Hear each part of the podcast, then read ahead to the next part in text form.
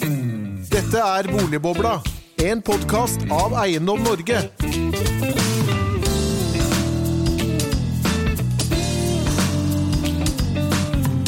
Hjertelig velkommen til en ny episode av Boligbobla, episode nummer 50 faktisk.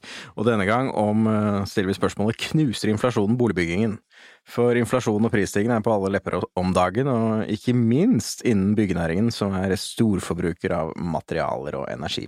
Ifølge SSB tikket prisstigningen i Norge inn i april på en årsvekst på 5,4% det høyeste siden 80-tallet.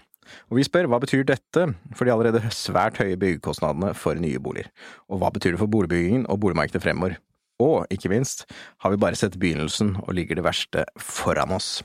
For å ta oss gjennom dette spennende temaet, så har vi fått noen utmerkede gjester. Administrerende direktør Anders Gregersen i Neptun Properties, velkommen til deg. Takk for det. Og eh, så har vi fått med oss eh, konserndirektør Hans Olav eh, Sørli i Veidekke Bygg. Veidekke Bygg, velkommen til deg. Hjertelig takk for det. Og ved min side så, så sitter alltid du, Henning Lauritzen. Velkommen Det- til deg òg. Takk, takk.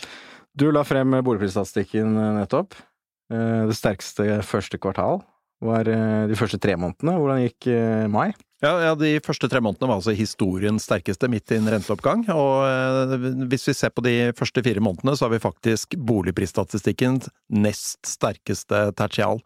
Eh, Men nå, nå er det jo definitivt litt landingstendenser i bruktboligmarkedet. Det er eh, nominelt litt opp, 0,3 men sesongjustert helt flatt.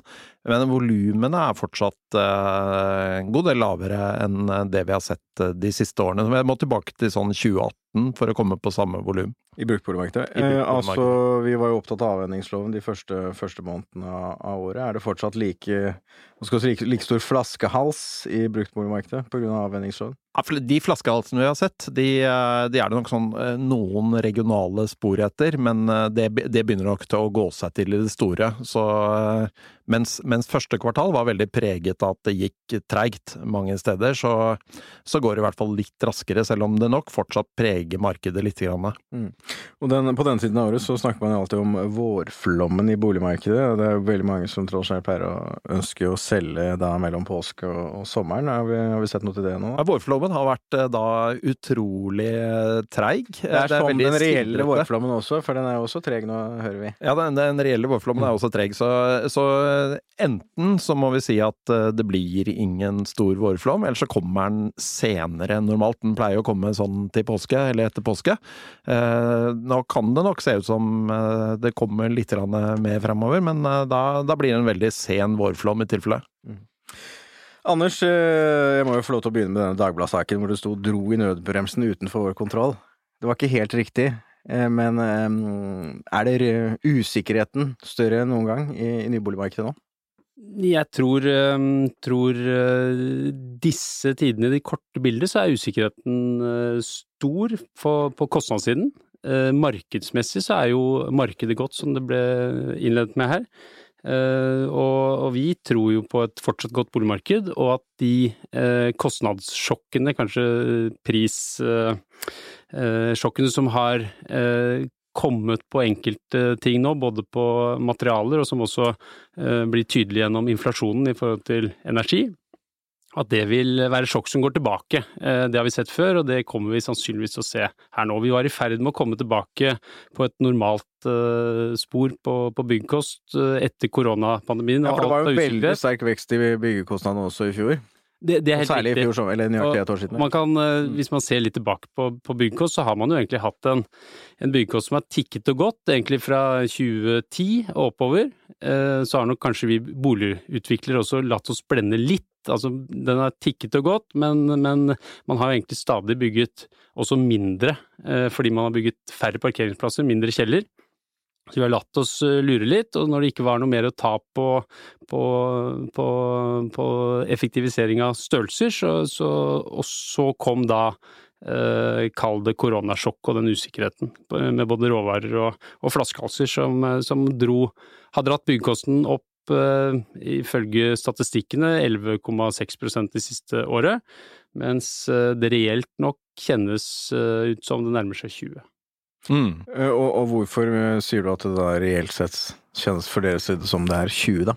Nei, det, det, tror jeg nok eh, i stor grad også knytter seg til den usikkerheten og den fryktprisingen eh, i alle leddene nedover i, i, eh, hos totalentreprenør, hos underentreprenører og leverandører. Eh, at eh, man, man, legger på en, en, høyere risikopremie for å levere frem i tid, og binde seg på leveranse frem i tid. Mm. Nei, fordi at det dere på en måte bygger nå, det, det har jo ennå ikke disse prisene manifestert seg. Dette er ting som vil komme fremover, er det ikke sånn? Det, det er riktig. Det vi bygger og overleverer i år og neste år, det er jo kontrakter som er inngått i, i 2020 eller tidligere. Mm. Hans Olav, er jo, det er jo du som bygger disse boligene, da? Ja, vi bygger i hvert fall mange av dem. Vi har ca. 2500 boliger under bygging til enhver tid, så vi er en stor bolig, boligbygger. Ja, det, er det er jo da nesten 10% av den samlede boligproduksjonen i, Norge, da. Ja, men, men det, vi snakker om leiligheter i blokk, da. Det er liksom vårt produkt, da. Småhus og, og, den type ting. Det gjør vi veldig, veldig lite av. Så, så, så, når det gjelder da, hva skal vi si, leiligheter og blokk, så er det faktisk større enn 10 av sannsynligvis? Ja. Kanskje, ja. Men øh, hvordan ser dette bildet ut uh, for dere? Én ting er jo den, hvordan man måler dette i, KPI uh, fra SSB. Men mm. Eh, vi hører jo her at dette kanskje er enda kraftigere enn det, enn det som er, eh, fremgår av indeksen. Ja, Nei, altså jeg, jeg, tror på, jeg tror indeksen gir et, et, veldig godt bilde av situasjonen, egentlig. Altså den er, den, er en veid indeks som er, som er utvikla, og som jeg føler at treffer egentlig ganske bra. Den har nok kanskje en, en noe treghet i seg, det kan nok være, men, men over tid så treffer indeksen ganske bra. Og Det vi så på indeksen var at fram til krigen i Ukraina da, så lå det jo på ca. 6 eh, ved utgangen av februar. Eh, og det var jo altså på byggekost, eh, bolig alt, og, og, det var jo på samme nivå som prisveksten, egentlig, så so, so far so good, egentlig, da. Mm. Men så kom jo den forferdelige krigen i Ukraina, eh, og den har jo på en måte snudd opp ned på, på veldig mange ting, og, og forsterket allerede et, et, et, en situasjon som var, var i ubalanse, da. Og så vi kom det nye byggekosttall i går, så nå er vi oppe på syvtallet, da. 7,7 eh, nå, da, hvis man måler ett et år tilbake i tid. Mm. Så det har gjort et lite, et lite løft, da så er jo situasjonen i Ukraina er jo alvorlig. Altså først og fremst kan si vår situasjon, og det er liksom ingenting til sammenligning med hva de opplever der nede. Vi ser jo liksom krigen pågår faktisk alt inne på, på, på stålverkene, ikke sant? I ja, i Maurpol, det er, ja, det er et reelt stålverk. Så. Ja. Så, og klart det er et verk som har levert eh, armering til byggeplassene våre. Eh, så klart da blir det Det setter jo ting litt i perspektiv. Så er, jeg tenker at det er to ting, det som Anders finner på også. Det er klart at uh, en del produksjon går rett og slett ut, ikke sant, både pga. krigen i seg selv. Da. Uh, åpenbart at det kommer ikke mye, mye armering fra det stålverket. Uh, og så er det sanksjonene, som rammer Hviterussland og Russland også. Kommer ikke mye eik fra Russland? Det kommer ikke så mye eik fra Russland heller, gjør ikke det. Så, så, det er en realitet. ikke sant, at Det er en del av markedet som faktisk blir borte. På stål har man kanskje snakket om 20 Nå er jo stål er jo ikke stål der, det er komplisert, man begynner å gå inn i det også, men sier ca. 20 da. Mm. Uh, og, så det, og så får du i tillegg dette med energiprisene. Og så er det i tillegg den, selvfølgelig den voldsomme usikkerheten som kommer i kjølvannet av det. Så det så er det mye frykt og kanskje risikopåslag, da, som også Anders er inne på, at det kommer i tillegg. Uh, og det tenker jeg, da, for vi må prøve, jeg tror vi må prøve å se litt gjennom den situasjonen. At akkurat de, de fryktpåslagene og den risikoen, den tenker jeg den, den vil jo naturlig mates ut, eh, forhåpentligvis om ikke så veldig lang tid. Eh, men realiteten i at noe, noe av produksjonen er borte, den, den, vil jo leve lenger. Nå vil man selvfølgelig helt sikkert starte opp nye stålverk og, og få i gang ny produksjon, og finner sikkert eik også andre steder i verden, men, men, eh, men det vil jo ta litt lengre tid. Hva med norsk furu? Norsk furu er jo bra, da. Lutbeisa furu, det kommer tilbake jeg vet på et eller annet tidspunkt. Skal ikke se bort fra det. Mm. Nei, Så det du sier her, er at det, det, er, det er, flere ting som, som, som, virker sammen her, det er, det er ikke noe alene? Nei, det er sammenheng. Og det kommer som sagt fra en, fra en allerede litt stressa situasjon eh, med pandemi og en del andre uheldige omstendigheter da, ikke sant, som, som, vi kjenner fra den tiden. Og så kommer krigen på toppen av det hele. Men det er, det er jo liksom to eh, typer, eh, minst to typer risiko. Det er risiko for, eh, for prisendringer, og så, og så er det jo på en måte det er, vel, det er, vel, også en risiko for om man faktisk får tak i det man skal ha om et år eller halvannet osv.? Ja, men, men, der kan jeg faktisk eh, berolige lytteren litt. Da. Eh, for det er klart, det var jo ikke noen eh, skrekkhistorie på det. En stund var sementproduksjonen nede altså Norcem sine to sementverk var ute av produksjon pluss noen dager også, så da var det jo, så det riktig mørkt ut. Men, men i hvert fall vi opplever i Veidekke, nå får vi betalt for å være en solid kunde med, med, med godt omdømme i markedet, så vi, vi blir prioritert vi får varer, altså. Mm. Så vi har faktisk ikke hatt eh, Vi har ikke aldri vi har ikke hatt stopp på noen byggeplasser.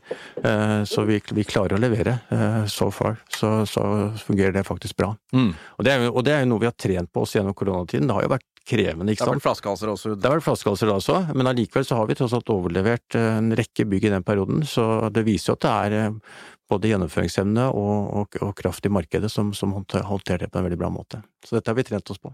Anders? Ja, nei, eh, det er jo interessant å snakke om eh, materialtilfang til Norge, altså verdens dyreste land å bygge i. Er klart, over tid så kommer materialene opp til Norge. På grunn av prisene. På grunn av prisen og Ja. betalingsevnen. Altså det er veldig mange andre deler av verden som ikke får eh, får varer frem i tid, hvis dette blir langvarig. Men, men i Norge så ja. Nettopp, ikke sant. Så, så vi er jo ganske trygge på, og når vi da hører entreprenører som lurer på om de får parkett om to år, når vi skal kontrahere i dag, så sier vi dette får dere tak i. Så det leder jo egentlig inn på, på kanskje noe av det som har vært et problem, eh, både de to siste årene og kanskje over lengre tid. Eh, og det er jo at det får lov til å etablere seg sannheter i, i Ja. markedet, eller i bransjen, da.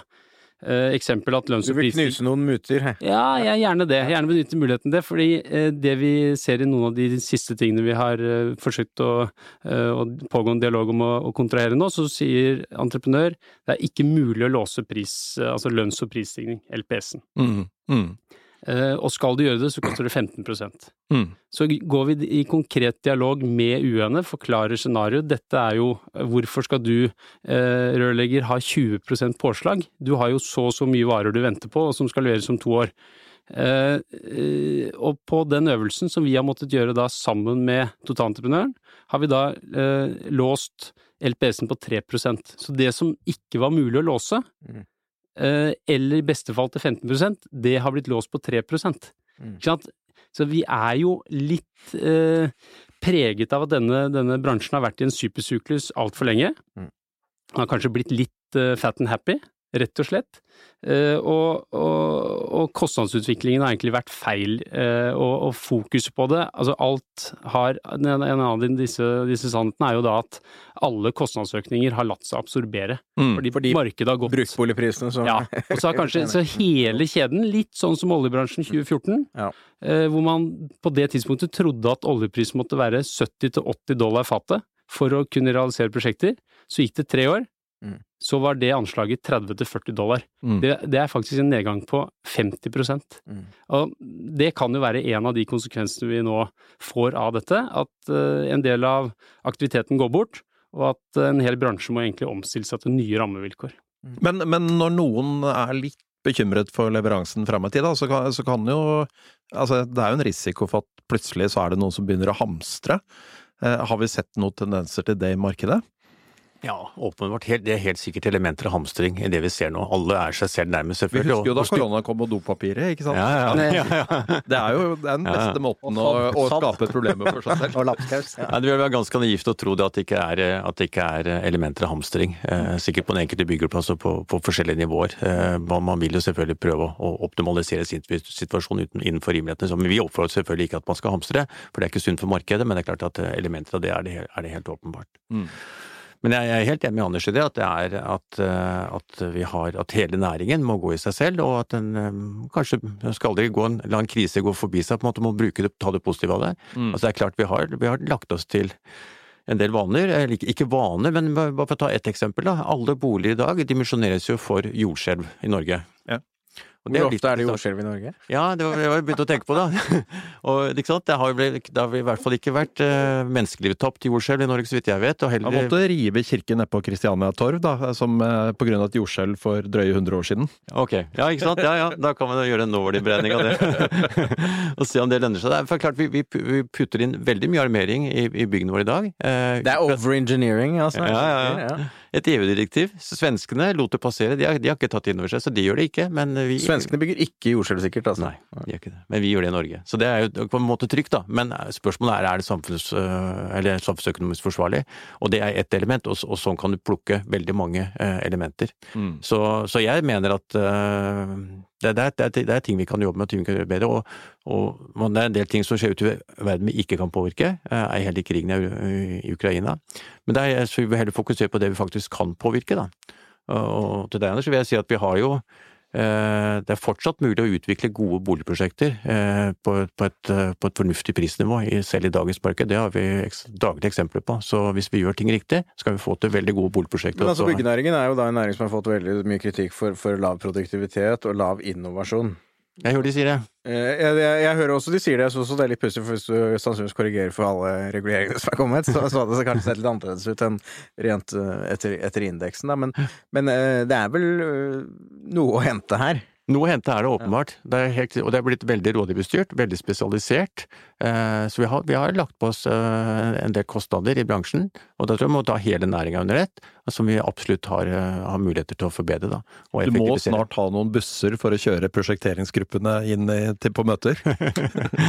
ja, ja da, og det er sikkert det ligger kvalitet og det ligger måte krav i det som helt sikkert er bra. Så vi bygger helt sikkert, vi bygger vi bygger bra i dag, og det er høyere kvalitet enn det vi gjorde på, på 80-tallet, det er ikke tvil om annet. Men klart et eller annet sted så er det et eller annet skjæringspunkt da, eh, hvor det kan være fornuftig å, tenke seg om, og, og det er jo, markedet har vært villig til å betale for det.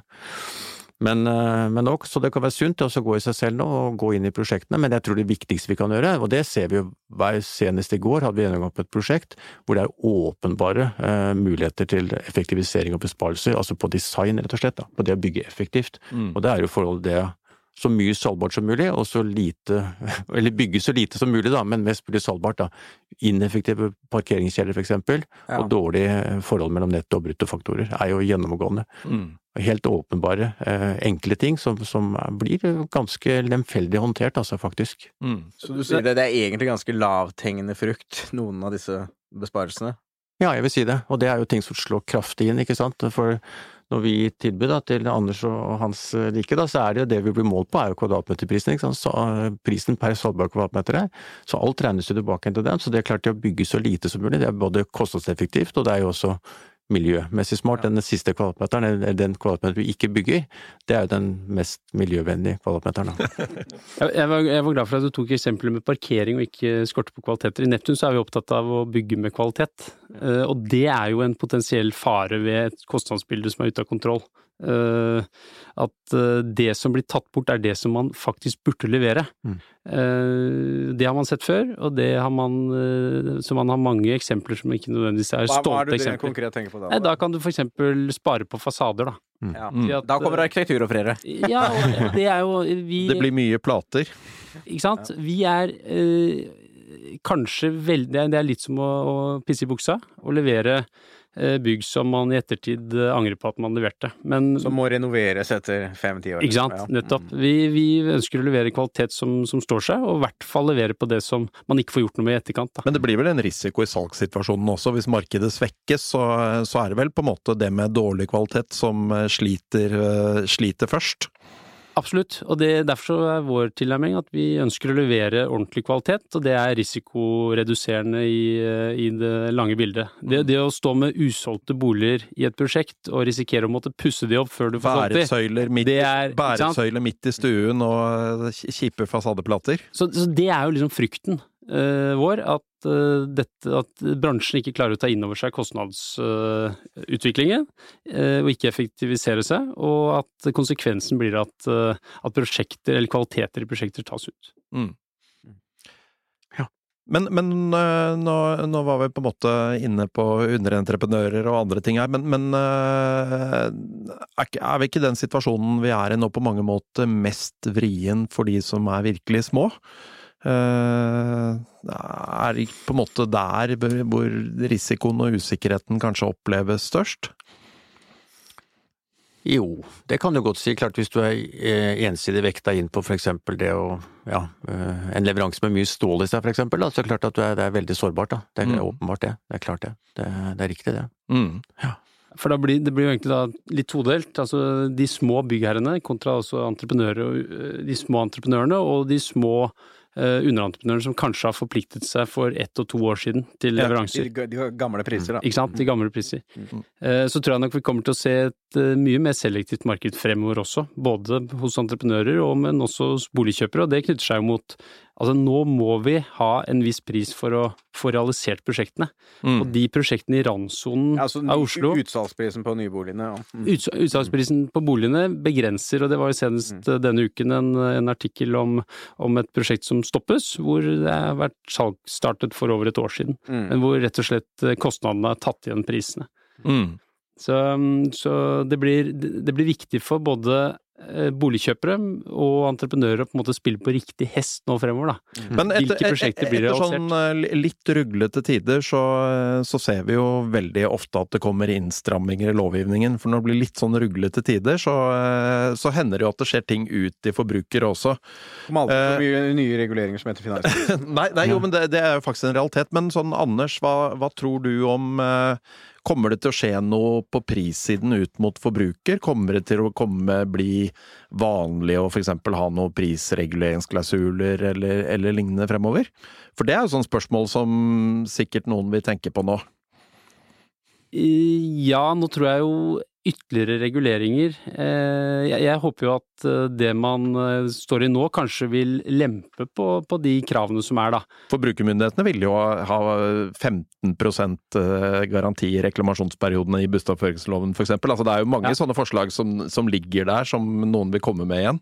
Nå er jo, nå er jo det veldig sjelden et aktuelt tema. Altså Bygger man med en ordentlig entreprenør, så, så bygges det, og det er nok av kontroll underveis i byggeperioden som gjør at det ofte er de kosmetiske tingene som er feil ved overtakelser. Mm. Og det koster ikke så mye penger. Så, så sånn sett så, så tenker jeg en økning av den er et fordyr, nok et fordyrende element som vil gjøre boliger enda dyrere. Mm.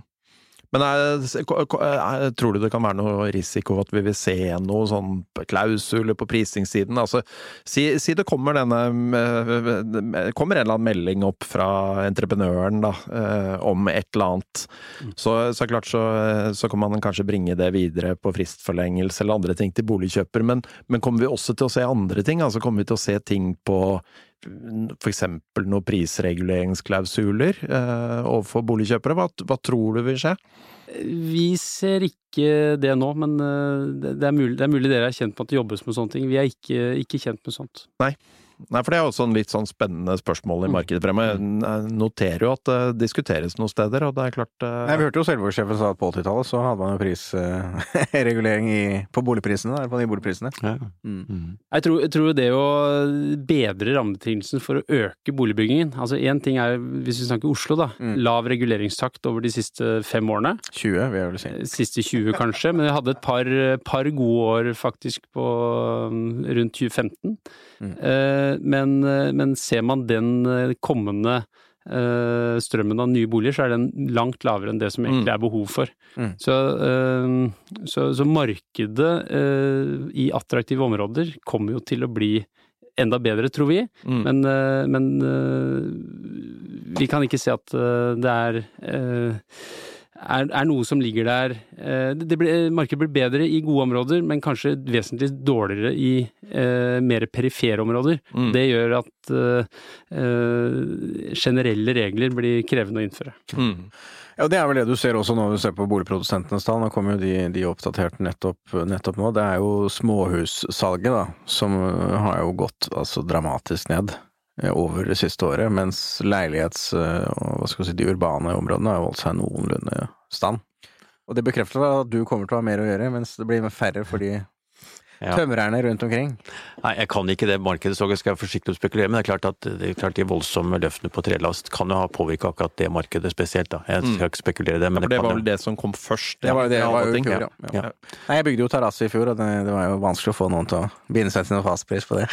Ja, det, det er jo litt morsomt nå, for første gang i mitt liv i hvert fall, så er liksom, det, det der med, med råvarepriser og, og prisen på stål og trelast er liksom blitt litt sånn tema i sosiale sammenhenger. Det er på en måte noe nytt, da. Det er ikke sånn at ja, utover ingeniørkretsene. Ja. Ja, ja, ja. Den allmenne forbrukeren vet nå at det er blitt dyrere med trevirke osv.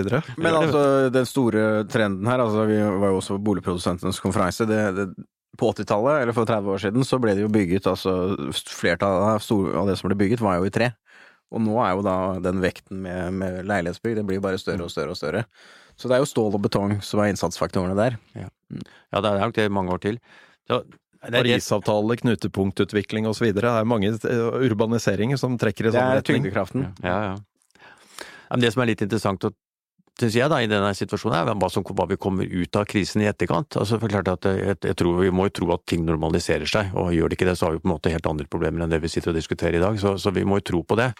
Uh, men spørsmålet er kommer vi tilbake igjen på de prisene vi hadde. Liksom, uh, jeg pleide å si at en, en 2-4, uh, som er liksom nøkkelproduktet da, i, på trelastsiden, En sånn bjelke. en sånn bjelke, ja, en sånn gammeldags stender. To tapir. Ja. alle, ja, den du legger under plattingen, Mm. den har jo alltid kosta ti kroner, så lenge jeg kan huske den. Og det gjorde den jo helt fram til, eh, fram til pandemien. Men nå har den jo skutt i været, ikke sant. Eh, og spørsmålet er jo om den kommer, kommer den til å koste ti kroner igjen. Det gjør den sannsynligvis ikke. Og, og da kan man reflektere hva, hva betyr det for måten vi bygger på også. For Hvis du ser på forholdet mellom, mellom materialer og lønn, så har jo det utviklet seg eh, eh, si fra etter krigen, da, hvor det var, hvor det var Eller på materialpris. 100 år siden, det var materialene kostet svint, og arbeidskraften ingenting. Nei, ikke sant. Du, når de bygde rådhus for eksempel så krydra folk, ikke sant. Det var som en maurtue. Eh, og materialet var eh, etterspurt.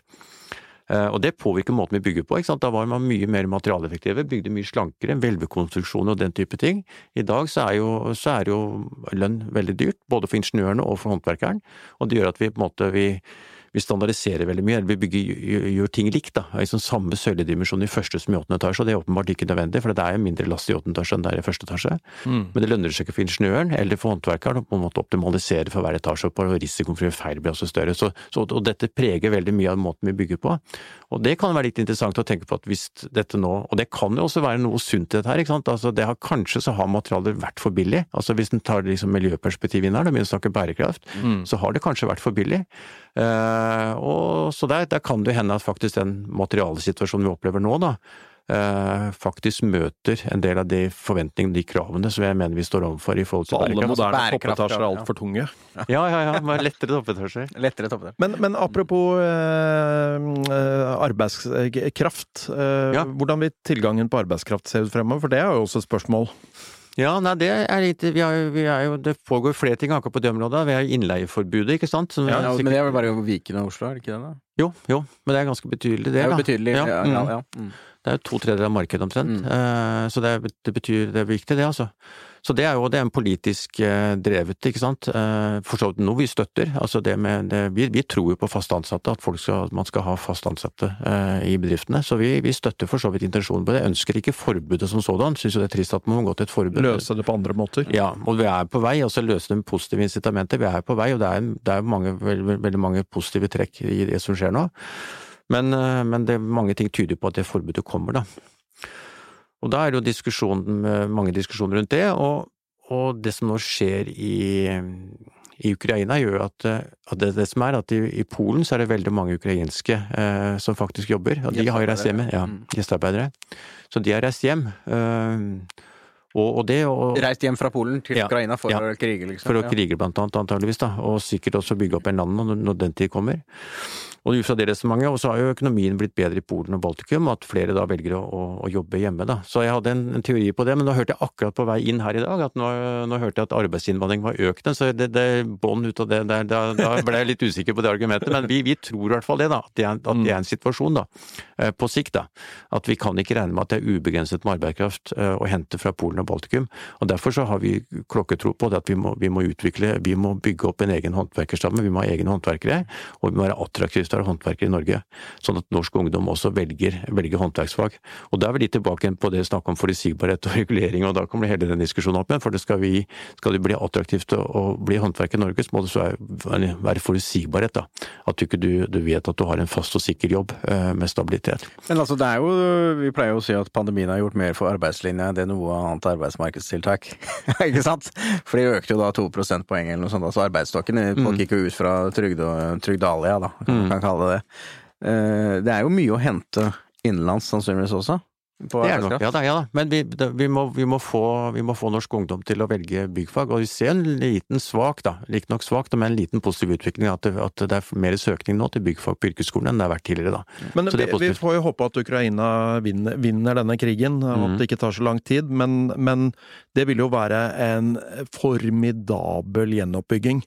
Ja. Og er det ikke en risiko for at vi kommer til å se ikke bare ukrainere, men også mye annen arbeidskraft som trekker i den retningen i en gjenoppbygging. For, altså, jeg, jeg tenker jo at det må være en risiko for, eh, for vår tilgang på arbeidskraft. Ja, jeg er helt enig. Det, det man kan jo bare fantasere om hvilke enorme liksom, milliardbeløp det er snakk om for å, for å bygge opp igjen Ukraina. Da.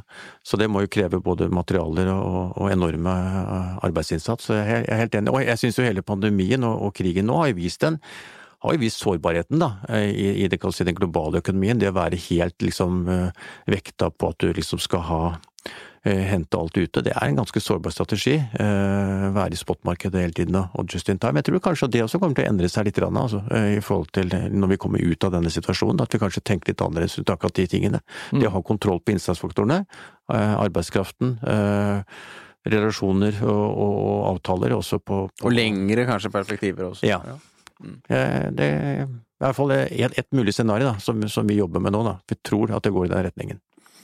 Jeg tror også det er viktig at, uh, i og med at sårbarheten viser hvor sårbart dette er, da, at man også tenker litt bredere når man uh, sørger for å skaffe seg materialer. Eksempelvis, vi snakket med en entreprenør, stor entreprenør, skandinavisk entreprenør, som sa helt umulig å få tak i stålperler. Det er altså de røde sånn stengene man bygger med nå, er det ikke det? Ja. De eh, var det umulig å få tak i.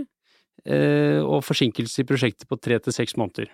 Mm. Så tok vi da som byggherre tre telefoner, fant at de kunne leveres, de var på lager, men de kostet litt mer, eh, men de kunne leveres neste uke. Mm. Vi, vi, må, alle må liksom snu, alle i bransjen må mm. snu alle steiner for å finne dette her.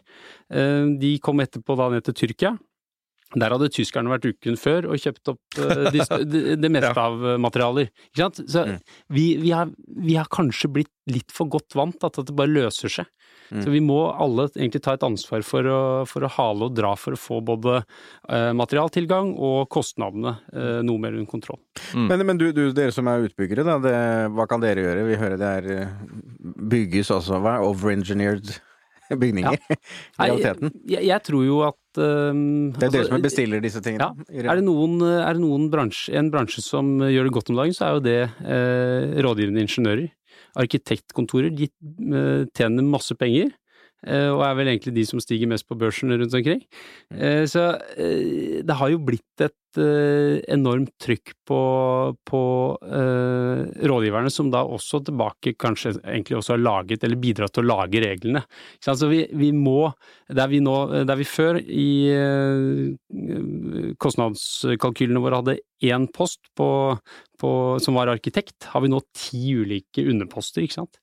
På på arkitekter og rådgivere på, på et uh, langt større fagfelt. Så uh, vi gjør det jo ikke enkelt for oss selv heller. Så noe av digitalisering, noe av delingsøkonomi blant utbyggere og entreprenører, altså vi må, vi, må, vi må, komme opp dit at vi klarer å gjenbruke det vi har tegnet på et prosjekt over i et nytt. Altså det, det bygges jo ganske likt, i hvert fall det som er i struktur og bunn. Mm. Og det må vi liksom klare å gjenbruke uten å, uten å måtte, måtte, begynne på scratch hver gang. Ja, hvis, hvis, man ser bort fra tomt, så er det vel på en måte rådgiver som er den posten som, som har økt mest forholdsmessig opp gjennom årene? Ja, godt Uh, jeg, jeg, husker liksom mulig. gamle gutta sa fra 80-tallet 3 til rådgivere ja. eller noe sånt. Nei, det, det, har, det, har, økt betydelig. Mm. Det har økt betydelig, og i alle egentlig faser. Mm. Uh, så, så, det er en stor Det har blitt en stor kostnadspost, og ikke minst, det er tidkrevende. Så vi må, altså skal man få ned kostnadene, må man passe på at ikke for mange går og lobber seg inn i forskriftene, rett og slett. Det, det tror jeg er et godt poeng. Enten de er på den ene eller andre eller tredje siden av bordet. Nei, men, men, men det å jeg, jeg, tror i hvert fall alle, alle byggherrer de fleste av de store entreprenørene eh, er opptatt av å dele kunnskap mm. for å gjøre dette. Det er ingen, det er ingen som, eh, som, har lyst til å begynne på scratch hver gang. Man vil gjøre det enklest mulig for seg selv. Og, og da er jo initiativ som Construction City, clustertankeganger, positive. I tillegg, hvis vi nå klarer å etablere et proptech-miljø i Norge som også kan sørge for digitalisering mm. rundt uh, rådgivertjenester, eksempelvis med Spacemaker og andre uh, Consigli og andre initiativ som, uh, som, er tatt, så vil det være verdifullt for egentlig hele bransjen. Mm. Ja, for det er mye som kan gjentas, det er mye som kan, hva skal man si, gjøres én gang og, og slippe å ta alle disse rundene. Ja, vi, vi mener det, da. Ja. Eh, og, og så er det selvfølgelig et bygg, og en, en arkitekt skal få lov til å sette et stempel på bygget, med, kan- men det er kanskje på fasadevalg og, og hvordan fasadene møter gate og torg og møteplasser, inngangspartier og sånn, men, men strukturen i bunn, det som koster mest, og, og leilighetene, det, det mener vi burde kunne gjøres mye enklere fra gang til gang. Mm. Ja, det er jo fascinerende hvor mange måter man kan løse en treroms på, jeg vet ikke. Jeg har sett mange, sett mange av de. Noen har mye gang. Noen har mye gang, ja. Noen har mye gang. Men, men eh, ut av krise kommer kanskje nye regler. Altså, byggeforskriftene, da. Det, er det noe som vi burde, burde kutte ut? I te teknisk forskrift, da? Nei, jeg tror ikke vi skal kutte ut byggeforskriftene. Det tror jeg Nei, ikke vi skal gjøre. men altså, det er jo, Kutt, ja. det er jo Ja. liksom Ja, Du nevnte jo egentlig at det kan være ting man kan se på som Altså, som også er jo innovasjon, da, i og for seg. Historien her er jo det at det, det bare er jo egentlig bare lagt på, lagt på, frem til Jan Tore Sanner hadde sitt forenklingsprosjekt i TEK17. Nei, det er klart det er jo ganske stramt eh, å utvikle et boligprosjekt i dag. Du har liksom du har eh, støy, du har dagslys, du har selvfølgelig alle andre, og alle andre krav. Og det, dette, så det, det blir denne kryss... eh, Det er summen av det hele, da. Ja.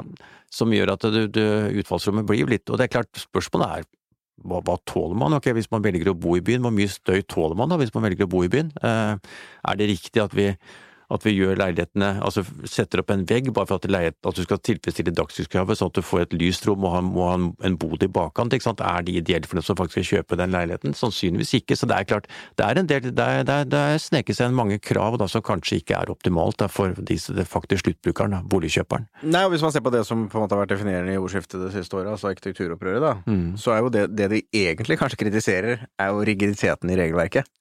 Nesten, Mm. På en måte, altså, som, som gir de boligene, da. Mm. Og byområdene, Ja. uteområdene. Jeg vet ikke det, Anders? Jeg oppfatter jo for så vidt at kritikken går ganske bredt, går og mye bredere enn det. Men, men det er klart, men det er klart eh, mange av disse byggene blir som, det, blir som de, eh, de reguleringsbestemmelsene eh, egentlig begrenser. Altså, et, eh, regel, altså reguleringsbestemmelser er jo egentlig bare begrensende faktorer på et prosjekt. Mm. Um, og jeg pleier jo egentlig å si at eh, er du firkanta, så får du firkanta bygg. Er Mm. du firkanta i bestemmelsen, så blir du firkanta. så, og det, det ser vi gang på gang, og vi skulle gjerne bygget eh, boliger som hadde 50 cm bedre takhøyde, vi. Mm. Eh, men da går det eh, kanskje på bekostning av dagslys på, på naboeiendommen eller på utearealene. Ja, så vil du ha stukkatur høyt under taket, så er det noen andre som lider i andre omgang. Ikke sant? Og, og vi vil jo gjerne det, men vi kan ikke ofre en hel etasje, og det er vel heller ikke samfunnsøkonomisk riktig i forhold til et boligmarked eh, og en bolig, et boligtilfang som er for lavt. Da. Så, så det er mange ting som på en måte påvirker til at disse prosjektene som bygges, blir som de blir. Men hvis vi skulle la oss eh, sett for oss at du skulle fjernet noen av de tekniske kravene, da, hva, hva, hva skulle man liksom Hva skulle man fjernet? Nei, det, det tror jeg vi, Ingen tør å svare. kunne, kunne ta Nei, det er, det er, ikke ta den på, på hæren her nå, men eh, det er klart eh, Hadde, man, hadde bransjen blitt invitert til å, å, å se på det, så er jeg sikker på at det kommet veldig mange gode innspill fra, fra alle aktørene. Mm. Nei, for jeg, jeg satt jo i bystyret i perioden her i Oslo, fra 11 til, til 15, og da behandlet vi jo småhusplanen. Og det var, jeg skal ikke si hvem, men det var jo noen, noen representanter som nærmest fikk orgasme når man da snakket om disse, disse kravene. Og det man da får ut i andre enden, er jo det man egentlig nå kritiserer, da. Ikke sant? Som er ja, kanskje naturmangfold forsvinner, det blir fire kassepregede hus på hver tomt, i tillegg til det som opprinnelig sto der. Altså, man får jo det man ber om, da, som du sier. Ja, det er, og det er, jo en, det er jo en eh, plan som skulle tilrettelegge for boligbygging, eh, og som for så vidt var firkanta i sin, eh, sine bestemmelser, og da har man fått disse firkanta byggene. Og så skal jo denne nå sannsynligvis strammes godt inn, men der tror jeg det er viktig at politikerne klarer å holde et par andre tanker i hodet. For det bygges faktisk 350 boliger hvert år innenfor småhusplanen. Mm. Så, så da må man sørge for at det faktisk bygges boliger tett på knutepunkt. Da. Så én ting er å snakke om høystrategien, men man trenger også en, en mye, større, et mye større fokus på knutepunktsfortetting som et motsvar til en innstramming av småhusplanen. Mm.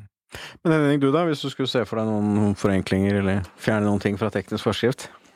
Jeg, jeg, jeg er vel på en måte på, eh, på litt, litt større fleksibilitet, hvis man skulle si, eh, si ting litt sånn stort. Men eh, Og så, så, så kan man jo Altså, det, det er jo mange ting som er Som kanskje er enda mer interessant, sånn på reguleringssiden og, eh, og på plansiden, egentlig. Som, I som den kan- enkelte kommune rundt omkring. ja, som, som kan gi en større fleksibilitet når det gjelder eh, ja, både lys, lys eh, Det er for så vidt eh, teknisk forskrift, da, men, men plassering av bygg, støykrav osv. Mm. Hvor, hvor man kanskje kan få til enda bedre boliger enn det man får til i dag. Men, eh, men hvor man må renonsere noe på de rammene som ligger der. Nei, for En sak som du har ivret for, eh, det er jo et nordisk entreprenørmarked. Ja, eller i hvert fall at du skal kunne ha no- nordiske gjennomgående produksjonslinjer. Sånn at du skal kunne bygge det samme huset i Sverige, Norge og Danmark f.eks. Eh, For det, det vil jo kunne gi noen besparelser, for nå er det litt sånn det er litt forskjellige trappebredder, det er eh, litt, litt forskjellig av det ene og det andre eh, som, som, som setter noen begrensninger. Og jeg har sett på noen sånne cases opp gjennom historien som, hvor man har fått ned byggekost ganske kraftig på å kunne industrialisere det mer enn det man gjør i dag. Eh, Det, det er sånn som jeg er en interessant tanke. Så må man selvfølgelig ha de, de byggene som er helt unike, og så kan de suppleres av bygg eller deler av bygg som, eh, som er produsert på en langt rimeligere måte enn i dag. Det er typisk norsk å være best, og da, da har vi også tatt det inn i regula reguleringen her. Og, og vi har jo strengere krav enn enn, eh, våre skandinaviske venner. Eh, Å bygge en boligblokk i, i Sverige koster langt mindre enn i Norge.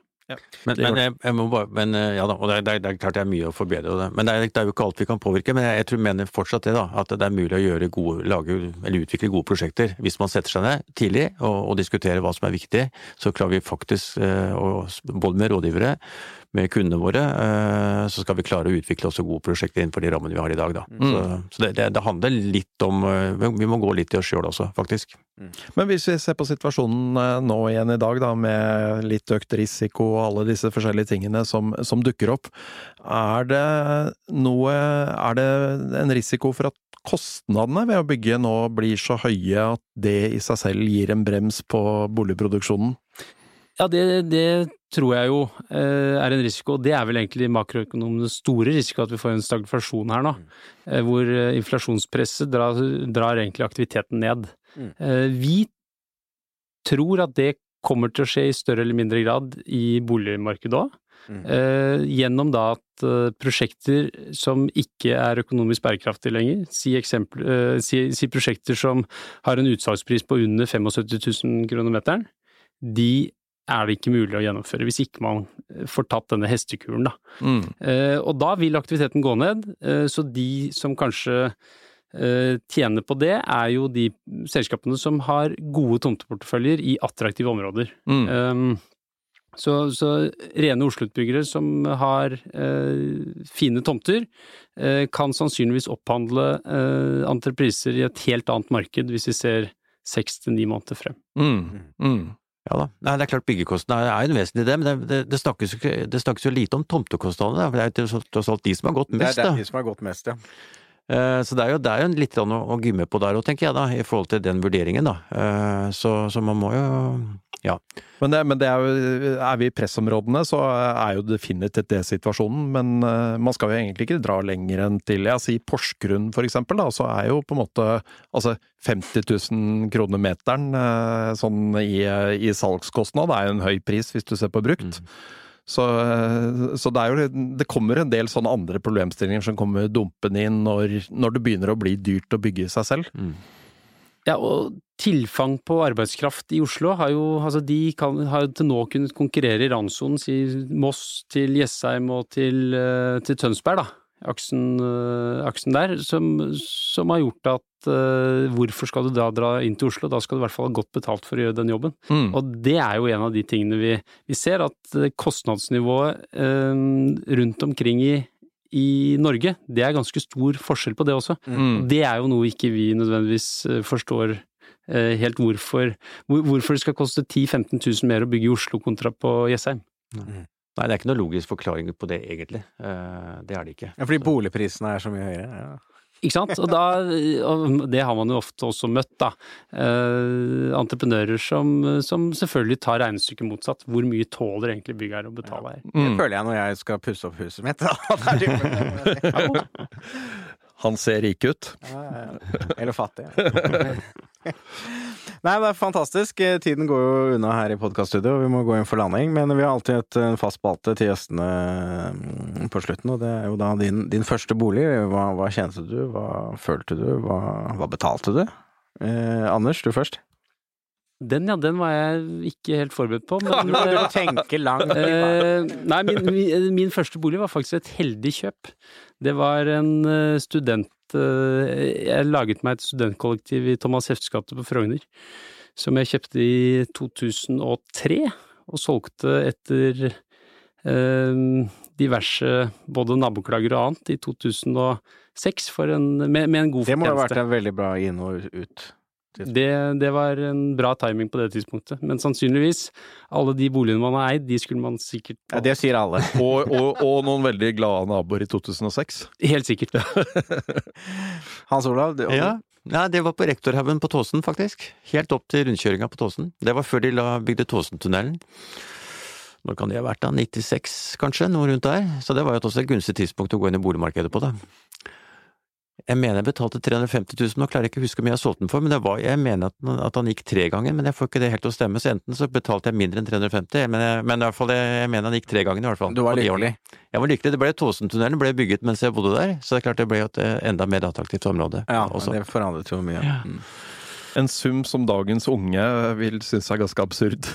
Ja, ja, det er, det er noe Det har vært litt inflasjon og lønnsstigning også. Det siden. er det også vært, da. Riktig. Og renter. Eh, hjertelig takk til gjestene. Hjertelig takk til Henning Lauritzen. Og vi er tilbake med nye episoder av Boligbobla før vi vet ordet av det. Selv takk. Takk, takk, takk.